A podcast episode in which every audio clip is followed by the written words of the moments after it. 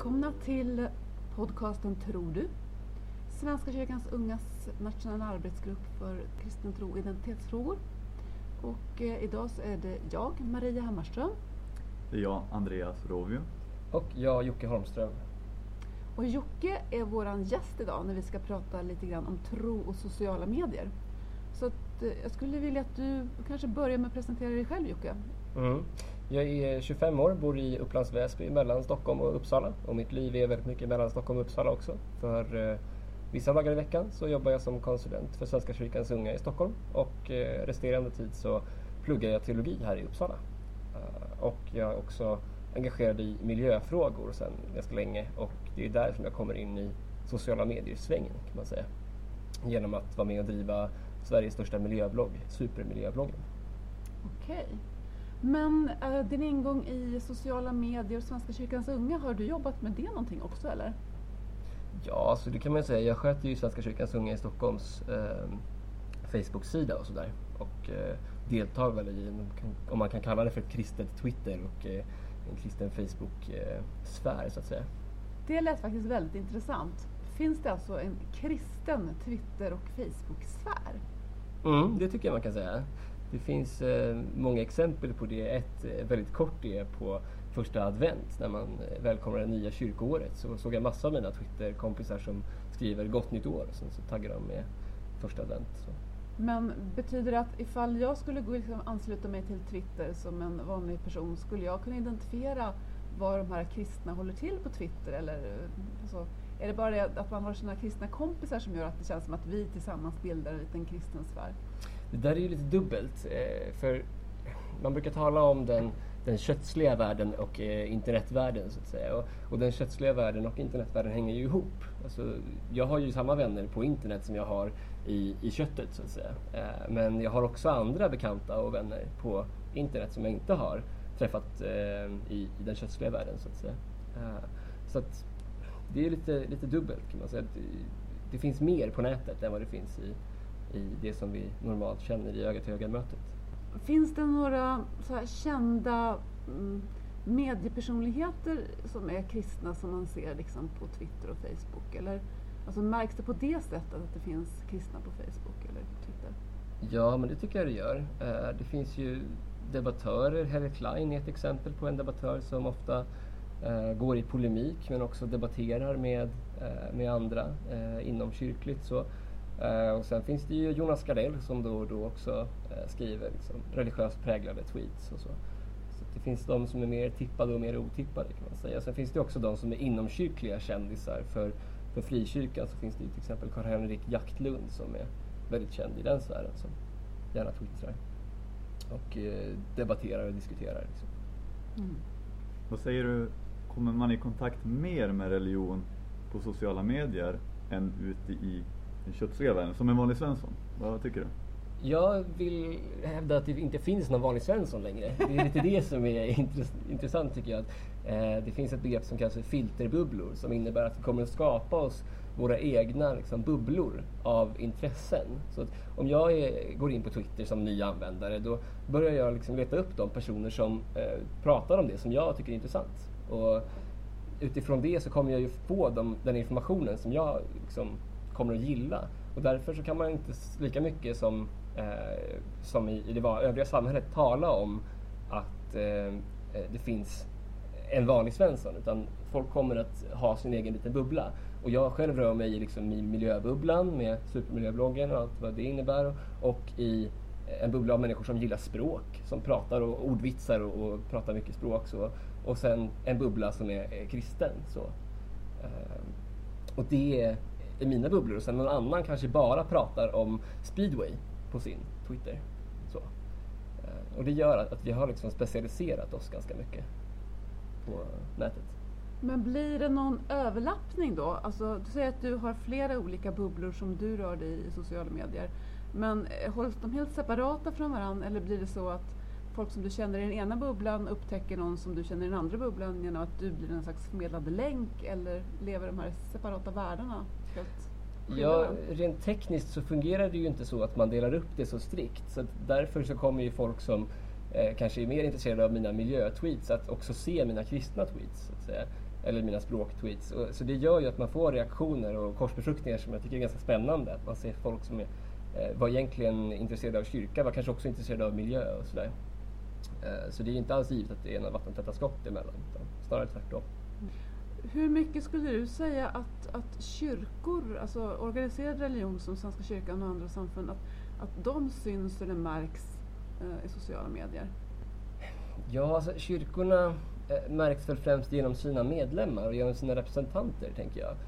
Just nu har vi väl lärt oss kanske att det kommer krävas ett ansikte. Vi kommer behöva ha personer som bär upp kyrkan. Så det fanns en era lite i början, tror jag, när man tänkte sig att Svenska kyrkan ska ha ett konto och så blir det bra med det. Liksom. Kyrkan talar som kolossen kyrkan. Så. Eh, och så tänker vi inte i den kötsliga världen heller. Vi har ju en ärkebiskop som ytterst företräder oss i teologiska frågor och så. Och vi har liksom personer att hänga upp det på. Eh, och det behöver vi också på, på internet. För att människor vill fortfarande ha, tror jag, berättelser och relationer. Så det kommer vara viktigt för oss. Så I den mån kyrkan finns på internet så handlar det om att det finns eh, företrädare för kyrkan. Människor som utgör kyrkan finns på internet. Mm. Vi ser också det du säger just att eh, på Instagram, Svenska kyrkans konto, där är ju ett vandringskonto. Det går till olika personer som får, får ta bilder och lägga upp kring sin vardag. Så där ser vi väldigt tydligt att vi använder representanter för Svenska kyrkan för att på ett officiellt sätt ändå framhäva kyrkan. Mm, just det. Och det är ju någonting som man inspirerades av ett konto som heter Sweden på Twitter som blev väldigt kritiserat men också väldigt hyllat för att låta en svensk varje vecka ta hand om, om eh, den här kanalen då som handlar om vad är Sverige, vad är svenskt idag? Då var det väldigt mycket kontroverser där i början med mm. olika exempel på folk som sa massa saker som de tyckte var olämpligt i en internationell kontext och så. Men då förstod man kanske snart att man är samtidigt en bärare av eh, sin egen persona eller sin, sig själv så, men också för någonting större. Men då måste det också få bli personligt. Jag tänker att vi måste få vara hela personer när vi är också på vår internetprofil. Vi kan inte bara låtsas att det bara är, är i kyrkan hela tiden, att det är det enda vi gör. Vi måste också erkänna att vi finns som hela personer och kanske visa att vi också eh, gör någonting annat. Att vi åker ut och åker på skidsemester eller eh, vad vi nu gör på, på fritiden så att säga. För att annars blir det väldigt ihåligt. Folk genomskådar ganska fort att, mm. att äh, men, du är ju inte bara, eh, du står inte bara och firar mässa hela tiden om du är präst. Det, det vore ju hyckla att säga det. Ja, det skulle ge en konstig bild tänker jag. För jag känner ju som kristen i alla fall att det är inte en pusselbit i mitt liv tron. Det är, en, det är någonting som går igenom allt jag gör i mitt liv. Så det är ju väldigt viktigt för att visa på en sann bild av mitt liv också. Ja, visst. Mm. Men skulle det kunna bli någon slags kontrovers då? För jag tänker att att, eh, som, som ärkebiskopen som exempel, alltså, om ärkebiskopen startar ett konto som heter ärkebiskopen eh, och sen så är han ju samtidigt Anders Weiryd som tycker det är jättekul med, med järnvägar och lite järnvägsnörd. Om ärkebiskopen plötsligt kommer med en massa nördiga järnvägstweets Betyder det att han på något vis underminerar liksom ärkebiskopens auktoritet eller vad folk tänker om ärkebiskopen? Förstår du vad jag menar? Ja, det där är en klurighet. För eh, ibland så har politiker häcklats för att de har lagt upp tweets om, eh, eh, om att eh, de skriver poesi bara för att det är roligt eller sådär. Och, oh, kan den här människan inte vara lite seriös ibland? Och sådär. Men jag tror att det kommer mer och mer bli så att vi får lov att vara hela personer på internet. Och det har också att göra med, med hur vi ser på festbilder och, och det här med att eh, vara en god förebild och så. Att jag tror att eh, framtida arbetsgivare kommer ha betydligt högre trösklar för vad man tillåter någon person göra på internet än vad vi ibland tror idag. Eh, för att vi förstår att människor är, är helheter, liksom, är individer som inte bara är polerade. Så. Sen tror jag ändå att folk kommer framhäva det som de tycker bäst om sig själva så, mm. på nätet. Du, jag vet att det var en utredning för flera år sedan just om det här med, med tystnadsplikten i Svenska kyrkan. Eh, där man speciellt tittar på det här, vad det innebär att vara kyrka på nätet. Därför att vi är vana tystnadsplikten, det sker under speciella samtal med en präst som man har liksom i stängda rum i en kyrka och ingen annan lyssnar. Men nu blir det mer och mer så att man har liksom samtal och sånt som är känsligt och viktigt på nätet. Ibland kan man ju ha det i stängda rum, men ofta är det i alla fall så att någon mer kan se det. Det är inte skyddat liksom. Och då har man en diskussion kring det här, men, men vad ska vi kunna göra? Kan man ha själavård på nätet när man inte kan garantera att det liksom förblir hemligt och så? Har du sett några diskussioner kring det? Alltså jag, visst, häromdagen så var ju några biskopar som var hos FRA, eh, apropå eh, vad som är hemligt och inte. Så. Eh, och de fick väl ganska lugnande besked tyckte de. Jag menar att de är aningens naiva. Eh, för att en så pass stor makt som, som svenska staten kommer kanske inte alltid att säga allt vad de egentligen gör. Så att säga. Eh, då måste vi som kyrka kanske inse att, att det inte är möjligt att vara helt säker på att ingen lyssnar när vi inte sitter i ett rum som vi själva kontrollerar. Så. Uh, jag tror inte att vi kan utgå från att vi inte är avlyssnade, tyvärr, mm. i den sida av massövervakning som vi har. Men, men jag funderar också på vad betyder det för oss? För jag tänker att en sak som har varit väldigt viktig för oss, det har ju varit den absoluta tystnadsplikten och att verkligen att man har kunnat skydda människors förtroende. Eh, betyder det att då ska vi vägra att ha djupa samtal på nätet därför att vi inte kan garantera det här? Nej, men vi ska vara tydliga med vad vi själva tror om samtalets förutsättningar. Vi ska eh, berätta för eh, den personen vi pratar med att att det här är ett samtal som vi för min del gärna kan ha här. Så. Men eh, jag vill också att du kommer ihåg nu att om du är i en Facebook-chatt till exempel så sparas det. Och eh, du kommer kunna gå tillbaks till det, eller den som har ditt lösenord kommer kunna se det här också. För det är ju inte bara myndigheter eller företag som kan övervaka oss utan det är också den som råkar komma över vårt lösenord. Så, så att vi behöver, vi behöver inte säga nej till varje tillfälle eh, till själavård eller till liksom, att ha förtroliga samtal på internet. Men men vi måste vara tydliga med vilka förutsättningarna är. Och då måste förutsättningen vara att vi kan vara avlyssnade eller att informationen kan hamna i orätta händer om vi inte sitter i ett stängt rum som vi själva kontrollerar. Mm. Mm. Jag håller med. Precis så man ska komma ihåg också att den part som ska, ska bedriva från kyrkans sida vara den som bedriver samtalet måste också få säga nej om de vill.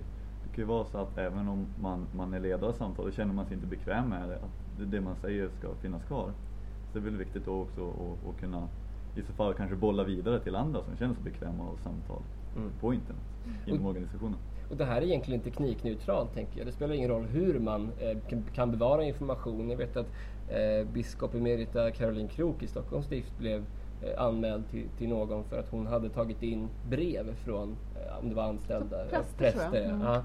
Um, och sen bränt dem när hon hade fått frågan om att uh, lämna ut dem till en journalist. Mm. Så, så det är ju inte, det är en gammal teknik. Men brev har vi skrivit i hundratals år, så, mm. tusentals år.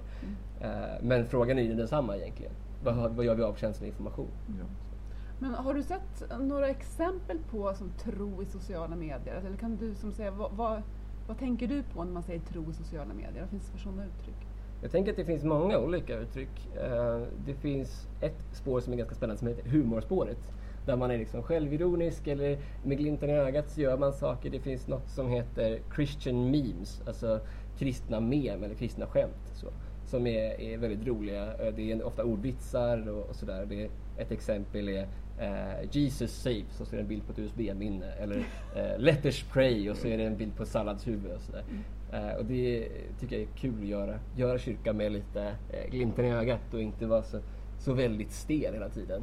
Ehm, samma med universitetsprästerna i Malmö. De har ju ett väldigt uppskattat Twitterkonto med flera tusen följare där de liksom är kyrka på internet eh, och ofta har lite humor. Och prästen Kent Vistida gör ju mycket, eh, mycket satir och så också ganska politiskt. Så det finns goda exempel i humorspåret så att säga. Sen så är ju du inne på någonting Andreas när du säger, eh, säger att Svenska kyrkans konto på Instagram, det är ju väldigt trevligt att följa också och se. Men då är vi inne på ett annat spår och det är vardagslivet. Eh, och då ser vi men hur, hur är folk kristna i vardagen? Vad gör de? Och det har också att göra med mina kristna vänner när de checkar in så här, söndag klockan 11 på, på en kyrka, alltså är en bild på ett altare. Så. Och det är verkligen så lätt att göra och så lätt att, att förmedla till folk. Folk förstår vad det handlar om och, och det, det är också att vara kyrka på nätet, tänker jag. Det bygger med gemenskap framförallt. Mm. Väldigt lätt när man har avstånd mellan sig. Man förstår att hemma i min församling är jag kanske ensam ungdom. Men jag har massa vänner över hela Sverige där de också gör det jag gör idag. De går och firar mässa. Mm. Det är väldigt bra för gemenskapen kan jag tycka. Det har jag sett någon gång. Man kommer till kyrkan kvart i elva sådär en söndag och så kan man scrolla igenom sitt flöde och se ja, ah, de där är i kyrkan, de är i kyrkan, vad trevligt. Så då har vi en, även om jag inte känner någon i den församlingen jag går till just då, så har vi en gemenskap liksom, av, av bedjande. Och sen sätter jag eh, telefonen på, på flygplansläge, eller som jag kallar det för kyrkläge, när jag väl eh, liksom börjar bönen. Mm. Ja, för jag vet för, för ganska många år sedan så jobbade vi med ett projekt som heter Bibelsajten. Och då, det var fortfarande det var lite så här nytt slut på 90-talet med kyrka på nätet och vad det innebar. Och då pratades det ganska mycket om att ja, men framtiden, framtidens kyrka är digital och vi kommer att eh, träffas på nätet och fira gudstjänst på nätet och vi ska skapa virtuella bönerum på nätet och sånt där. Och sen har inte jag egentligen hört så mycket om det. Så det var det där bara någon idé som, som dog ut eller är det någon som liksom har tagit fasta på det? Jag tänker att det finns några spår i det där som har blivit någonting. Mm. Bönerum på nätet har ju Svenska kyrkan centralt gjort det ganska bra med. Man kan skriva in sin bön och sen så, så svävar den runt lite läckert och lite sån här wow, wow, wow, musik så där, som är, låter mycket bättre än jag lät nu. eh, som är lite stämningsskapande och så, så blir det ganska vackert. Man ser folks böner som en, en bönelåda i en, i en församling. Så, fast lite mer öppet. Så det har blivit någonting av det. Men jag tror man måste förstå vad gemenskap på internet innebär också. För att vi tänkte oss kanske för 5-10 år sedan att gemenskapen på internet skulle se annorlunda ut än vad den faktiskt gör att den skulle vara mycket starkare än vad den är. Jag tror att det ligger mycket kraft i det personliga mötet och att vi inte får tro att, att sociala medier eller internet kan ersätta det personliga mötet. Det är liksom ingen frälsning heller. Eh, ibland hör man folk säga att vi borde skapa en app. Ja visst, men vad vill ni ha appen till? Det är lite för mig som att säga vi borde skriva ett brev. Ja visst, men om vad då? Det blir liksom mm. lite ointressant. Ibland så förförs vi av, av idén på en struktur och tycker att den är så häftig att den vill vi använda, men vi vet inte till vad. Ja, metod eller, eller ett ja. verktyg men inget syfte. Ja, precis. Uh, och det tror jag vi behöver medveta om att, att uh, innehållet måste komma först. Så. Och att relationerna på nätet Eh, är ganska beroende av de relationerna i den kötsliga världen. Så. Eh, att organisera en ungdomsgrupp till exempel, eh, eller Svenska kyrkans ungdomsgrupp med med en Facebookgrupp kan vara jättebra för att liksom, planera vad man ska göra eller eh, skicka detaljer till varandra och så. Men det är ju inte särskilt stimulerande att sitta där med varsin kopp kaffe hemma liksom, och, och sen eh, tycka att man ska ha någon gemenskap i det, tänker jag. Nej, helt klart är att vi vi sett och läst många gånger att kroppsspråk och, och sådana saker bara spelar en stor roll. Och en andlig gemenskap, där talar vi kanske om någonting som, som går utanför kroppsspråket som är lite svårt att förklara och då blir det ju en väldans skillnad på att träffas på mm. nätet eller på riktigt så att säga. Ja. ja. det är det verkligen. Men ändå, det har gjort spännande försök. Jag vet, något Svenska kyrkans ungdomsdistrikt och norröver någonstans hade ju eh, någon mässa samtidigt med med något annat land över Skype och försökte sjunga psalmer tillsammans, vilket är jättesvårt för det, det var teknisk fördröjning så det, det, låter ganska illa, men det är en kul tanke. Så. Mm. Mm.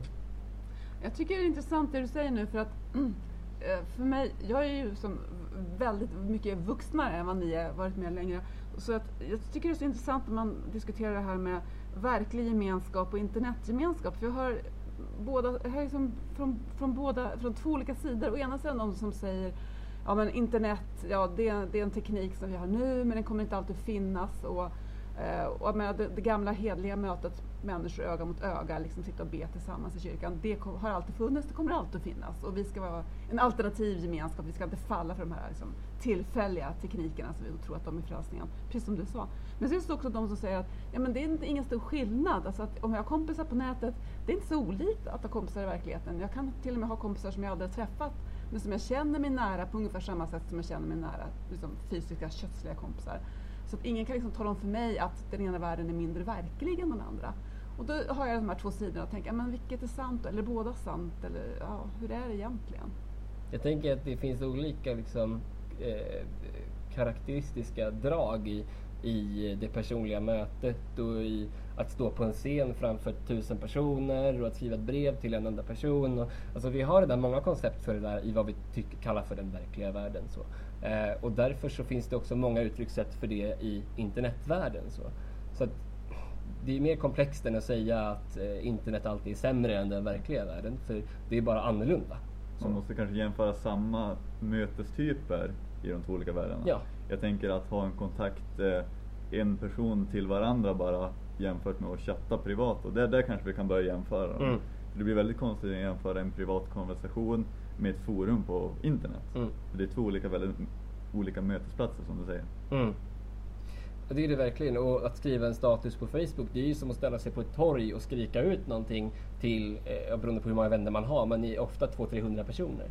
Så, eh, skillnaden är att det är socialt accepterat. Mm. Och jag frågade efter en termosmugg häromdagen. Eh, vilken termosmugg tycker ni är bäst? Och då finns det olika normer liksom, för, i olika sammanhang för vad som är accepterat. Där blev det en jättelång konversation med 25 pers som tyckte till, så här, studenter som tycker att det är dyrt med köpkaffe, som eh, hade sin termosmugg och som de tyckte var bäst. Så här. Men det hade varit jättekonstigt för mig att ställa mig här nere i Uppsala på Vaksala torg och skrika Hallå är det någon som har en termosmugg? Det skulle vara jättekonstig grej att göra för det är inte det socialt accepterade där. Så. Jag skulle också ta upp alla människors tid där. Och det är jag kanske inte är intresserad av att göra. I, på Facebook så har vi ett val, att jag kan liksom gå förbi det om jag vill. Och jag upplever det inte som störande att någon ställer en fråga till så många personer. Och det är en fantastisk möjlighet vi har, tänker jag. Mm. Men jag funderar på, finns det som faror och fallgropar i det här?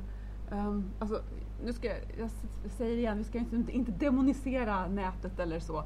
Men man pratar ju om nätmobbing och jag håller helt med dem som säger att ja, men mobbing är mobbing, att var det sker det spelar ingen roll egentligen, det är samma mekanism. Men jag tänker ibland att, att det här möjligheten att få uppmärksamhet kan också skapa en förväntan på det, att det ska finnas någon som svarar på min fråga, att det ska vara någon som ger mig likes, att jag ska få fler vänner. Liksom. Och om jag då inte får de förväntningarna uppfyllda, blir det då en slags ja, besvikelse att ja, men då är inte jag så mycket värd om inte jag lyckas lika bra som andra verkar lyckas med det här. Mm. Man talar ibland om en likeonomi, alltså som ekonomi fast med, med likes eller gillningar istället. Och det, är, eh, det är ju lite en fara om vi blir liksom bara bekräftelsesökande Om vi inte förstår i grunden att vi är älskade av Gud och, och en massa människor runt omkring oss. Så, eh, utan att vi ska ha, vi måste liksom bli beroende av den här bekräftelsen. På samma sätt som artister ofta säger i intervjuer att när man lägger av så blir det en sån tomhet efteråt för att ja men nu, var, var ska jag få min bekräftelse ifrån nu? Jag är van att få se tusentals personer klappa åt mig och tycka att jag är bra för det jag gör. Vad ska jag nu ta, ta mig till? Och på samma sätt så kan jag eh, själv också känna någon gång när man har klivit av sociala medier någon vecka som en, en fasta som jag kan göra ibland. Jag vet att det är många som gör nu också. Att man liksom tar en paus. Så um, och funderar över vad har det här för inverkan på mitt liv.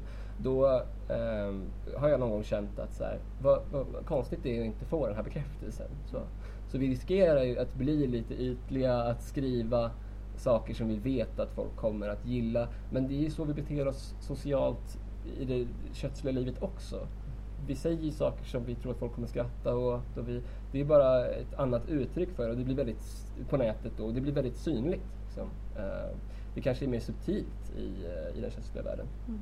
Jag tänker på att man, man har ju samma sorts ansvar där. Vi får tänka på att hur jag beter mig i den riktiga världen och vad jag bekräftar här som du säger försöker jag ta ansvar för. Det måste jag göra på internet också. Mm. För hur den är så, att få, få en like är ju en viss eh, positiv feedback. Och då måste man kanske fundera, vad gillar jag när jag är ute på nätet? Vilken sorts statusar? Gillar jag eh, inlägg så, som eh, liksom upplyfter världen som egentligen inte jag, jag omfamnar? Är, är det de värdena och det den personen visar upp just då som jag vill att de ska definieras för och, och, och upplyftas för? Är det inte det borde jag kanske inte trycka på gilla-knappen. Så så tänk, tänker jag lite grann, vad tror du? Jag tror att man behöver ta ansvar för sina handlingar. Så, mm. där också. Alltså det, det skulle vara jobbigt eh, att vara i ett sammanhang där man står och applåderar åt någonting eh, som man inte, så kommer någon, någon förebild man har och säger det där Jocke var inte så bra gjort. Det blir jobbig situa social situation och jag känner kanske ånger eller usch vad jobbigt i, i min relation till den här personen medan den återkopplingen på internet är lite mer långsam. Så.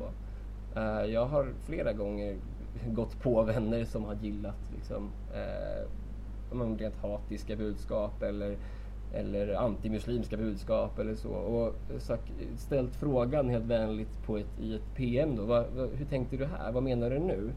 Och försöka då, vilket är svårt på internet för det blir väldigt hårt, men försöka ändå att vara nyfiken på vad, vad är det här? Vad, vad grundar sig det här i? Snarare att ta en diskussion.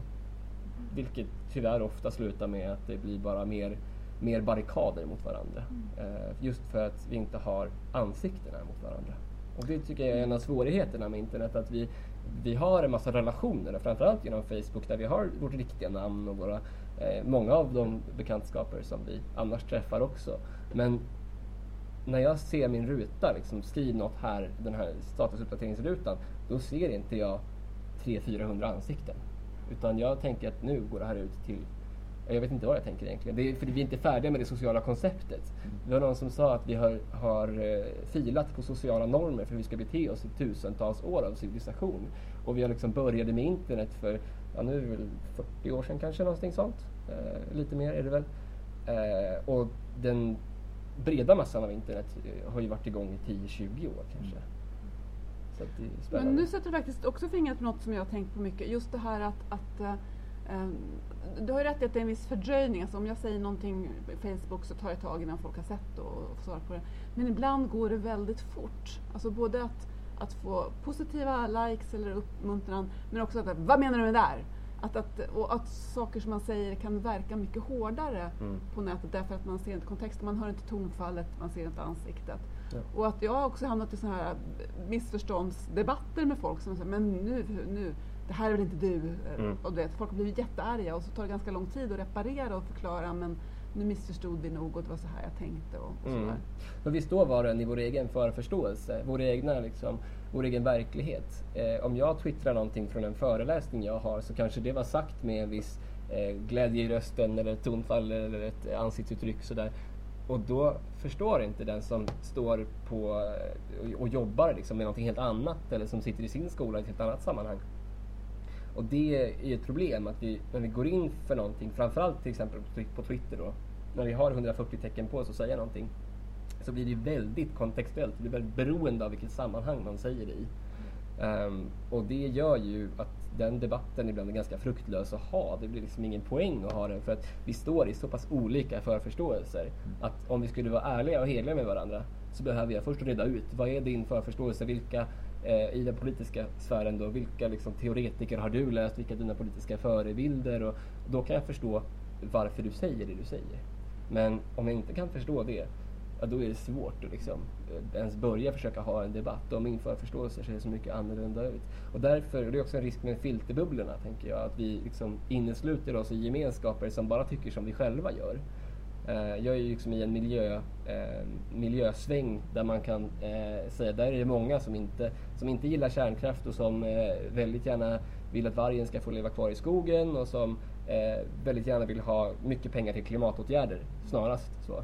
Och då pratar ju inte vi så ofta med basindustrin eller med, med någon som bor på eh, som bor nära varg eller tycker att det är obehagligt eller så. Utan det blir som filterbubblor. Vi, liksom, vi stänger in oss bland de som är li, eh, likatänkande. Så blir det en sorts ekokammare där man bara alla tycker likadant och har det mysigt. Så, Det blir men en har- klapp på ryggen Ja. klubb liksom. Ja visst, det är en risk vi tar. På samma sätt som vi ser med de mer hatiska hörnen av internet där eh, de här hänga ut-bloggarna eh, finns och ja, avpixlat och allt vad de heter. Att det finns eh, där också en, en eh, självbekräftande eh, problematik. Att man bara klappar varandra på ryggen och säger vad bra vi är och vad dumma alla andra är. Så, så vi riskerar ju att hamna djupare i, i den sortens eh, problematik om vi inte också vill göra det som Jesus gör. Gå hela tiden till den andra. Gå och eh, sök den som är utstött. Eh, jobba för att inkludera, jobba för att hela tiden erbjuda sig att, att eh, försöka lära sig någonting av den andra. Så, vem den andra än är. För vad jag tänkte komma till, alltså, det finns det en risk att eh, vi som är kristna eller som identifierar oss som kristna, att vi bildar en egen liten bubbla och bara pratar med varandra då på något vis? Och att till exempel att alla, det finns ju olika sorters kristna, olika sätt att tänka, men att de kristna som tänker på ett sätt, de pratar med varandra och kristna som tänker på ett annat sätt pratar med varandra och sen så lär vi oss aldrig någonting av varandra. Mm. Det tror jag. På samma sätt som folk eh, bosätter sig i de områden som där det bor folk som är likadana som de själva. Jag tror att vi, vi har en, liksom, eh, en vilja till uppdelning och en vilja till grupptänkande. Eh, nästan genetiskt, det vet jag inte om det finns liksom, forskning Men på. vi är ju sociala varelser ja. så behöver vi en grupp som vi kan känna oss bekväma i. Så är det ju. Precis, och då om vi kan ha tryggheten i, i det så, så kommer vi ju göra likadant på internet som vi gör i den kötsliga världen. Så, och det är absolut en risk. Men jag tänker att då behöver vi liksom gå utanför vår trygghetszon och, och söka någonting annat än, eh, än det som är det bekvämaste. Så. Och så kanske vi har en annan fruktlös debatt men vi har i alla fall diskuterat med någon som inte tyckte som vi gjorde. Ja precis, och det är ju det att man kan ju få stå någonstans där man känner sig trygg kanske. För att sen våga sig söka ut dit. Det är Mm. bara det att när man har landat med båda fötterna så måste man alltid komma ihåg och, och flytta en, en fot. Även om man får kvar den andra där man känner sig trygg, tänker jag. Mm. Ja, Att man, man, man testar. Men att det är viktigt tror jag att få ha någon, en gemenskap där man känner sig trygg. Eh, Annars är det väldigt svårt att, att hitta någon plats och känna att det man gör har någon mening tror jag. Mm. Så det finns både för och nackdelar där. Så tänker jag att vi, också, vi behöver inte ta varje debatt på nätet. Alltså, bara för att någon tycker någonting på internet eh, så är det inte vår skyldighet att alltid svara. Så. På samma sätt som om någon skulle komma fram till mig på stan och säga någonting radikalt eh, annorlunda än vad jag tycker så är det inte min skyldighet att ta en saklig diskussion med den personen och vara den resonabla parten som, liksom, som ska ha en utläggning om, om det här ämnet, vad det nu vara månde. Men, men det är, alla sammanhang kräver inte att man svarar. För ibland upplever jag det att, att eh, jag själv och också andra tycker att man måste svara på allting hela tiden. Känner någon plikt eller? Jag känner att så här, ja, men är det någon som skriver till mig på Twitter eller svarar i min, i min Facebook eh, så måste jag inte kanske alltid ta diskussionen. Det måste vara en frihet också att inte få göra det alla gånger. Så, när nivån också kanske är, är ganska låg. Så. Men om Jesus hade haft Facebook-konto eller Twitter-konto, alltså hur skulle han ha använt det tror du? Oj, oj, oj. Nu vi, alltså, Här kommer de lätta frågorna. Det finns en, en bild som är ganska rolig som, eh, där Jesus sitter på en bänk och säger Åh nej, jag menade att du skulle följa mig på riktigt, inte på Twitter. Så jag tänker att det är lite så att det, det kanske är en ganska dålig arena för att, eh, för att samla anhängare för, eh, för en sån livsomvälvande idé, så att säga. Det finns en anledning till att vi inte har migrerat, flyttat över hela kyrkan till internet. Eh, och det stavas mångt och mycket relation. Så, alltså så är det svårt att säga vad han skulle göra. Kanske är det någonting i stil med med vad påven gör på internet. Um, och det är liksom ganska enkla meningar. Men det är också en envägskommunikation som jag egentligen tänker är främmande för Jesus. Mm. Så, um, för Jesus möter människor i ögonhöjd och möter framförallt de minsta i, i det samhället i ögonhöjd. Och det blir lite svårt att göra för det finns en tendens på Twitter också. Det beror också på vilket sammanhang man är i. Men det finns en tendens på Twitter att vara lite så här, det är lite besserwisser-klubb kan, kan det bli av det hela. Uh, och det, den, hela den uh, diskursen, eller idén, tror jag Jesus skulle vara lite skeptisk till. Att uh, bedriva sin mission där. Jag tror inte att det skulle vara verktyget. Mm. För det, det, det påminner ju om att alltså, det finns en, en gräns för hur personlig man kan vara. Um, för du säger, säg att Jesus hade en, en Facebook-sida, ett Twitterkonto. Han skulle kunna säga många av de här radikala sakerna som han säger i evangelierna, men det skulle inte bli någon dialog. Eh, och han skulle inte, framförallt inte kunna rikta det till en individ eller en specifik situation, utan det skulle vara ganska, på ett ganska ytlig, ganska ytlig nivå då. Um, och så kanske att, att, att, på andra sidan, alltså som mottagare av Jesus budskap så blir det också ganska opersonligt kravlöst. Jaha, titta vad intressant behandla andra som du själv vill bli behandlad. Ja, ja, just det, nu tar jag en kopp kaffe. Alltså, jag förstår vad du menar, mm. att man kan inte bli drabbad kanske av, på samma sätt om man inte får ett möte, ett riktigt möte. Nej, kanske är det så. Men med det sagt så finns det ju en enorm styrka i att mobilisera folk via eh, sociala medier eller internet. Så, alltså, det har ju dragits ihop många manifestationer bara på några dagar. Det var ju i, i vintras nu eh, diskussion om, om rasism efter eh, nazister hade attackerat en demonstration i Kärrtorp till exempel. Och sen också en, en krav på samtyckeslagstiftning. Så det finns liksom Eh, och där man var, fyllde Medborgarplatsen. Så det finns en social mobiliseringsfaktor på internet som Jesus säkert skulle velat använda på något sätt. Ehm, den är ju spännande att eh, fundera över kanske. Fast det är intressant för att om man tittar på evangelierna så verkar han ju oftast ha varit mer så här anti. Alltså han drar sig undan, folk kommer efter, han bara oj oj oj, skicka bort dem, jag orkar inte längre. Så han kanske hade blivit tvärtom, bara att åh nej nej, inte en manifestation till, jag orkar inte. Ja, kanske det. Eller en flashmob kanske, det kanske hade varit liksom lite lagom. Oj, jag är så allergisk mot detta fenomen. Ja. Intressant, förklara varför är du det? nej, alltså jag tycker att det, det är ju roligt förstås när folk gör dans eller när folk gör någonting så. Men det, det finns ett, en hycklande aspekt i det, det är att det ska verka spontant. Mm. Det ska liksom se ut som att det är någonting som är jättespontant. Och sen har jag eh, sett flashmobs som är väldigt organiserade. Och det kan vara jättefint som konstform. Jag såg till exempel någon i Sollentuna så hade man eh, satt kyrkokören i det nya köpcentret, nästan det nya templet om vi får säga så, i konsumismens tid. Eh, och då, hade, då sjöng de en, en, en eh, vinter, en, en julsalm. Mm. Och det var jättevackert. Så, som en person tog upp och sen eh, så sjöng fler och fler, så fyllde de hela det här köpcentrum, atriet. Jag har sett ännu maffigare grejer från USA där man mm. verkligen gör sådär. Eh, då blir det väldigt svulstigt förstås när det är amerikanskt. Men, eh, eh, så det finns ju en sån faktor, så det är spännande liksom, med den mobiliseringen. Men jag tycker att det finns eh, en hycklad eh, spontanitet i det där. Vi i Svenska kyrkans ungas eh, tro och identitetsgrupp då, vi har ju startat Twitterkonto för att twittra om tro. Ehm, och vi, vi märkte ju, alltså, vi märker ju att, att eh, vi, alltså vi är personer så vi twittrar ju personligt men vi twittrar också, försöker också twittra generellt. Alltså eftersom vi ska vara ett officiellt gruppkonto. Mm. Ehm, och då får vi ibland så här fråga, men varför, varför twittrar ni inte mer om det här eller är det här verkligen Twitter om tro?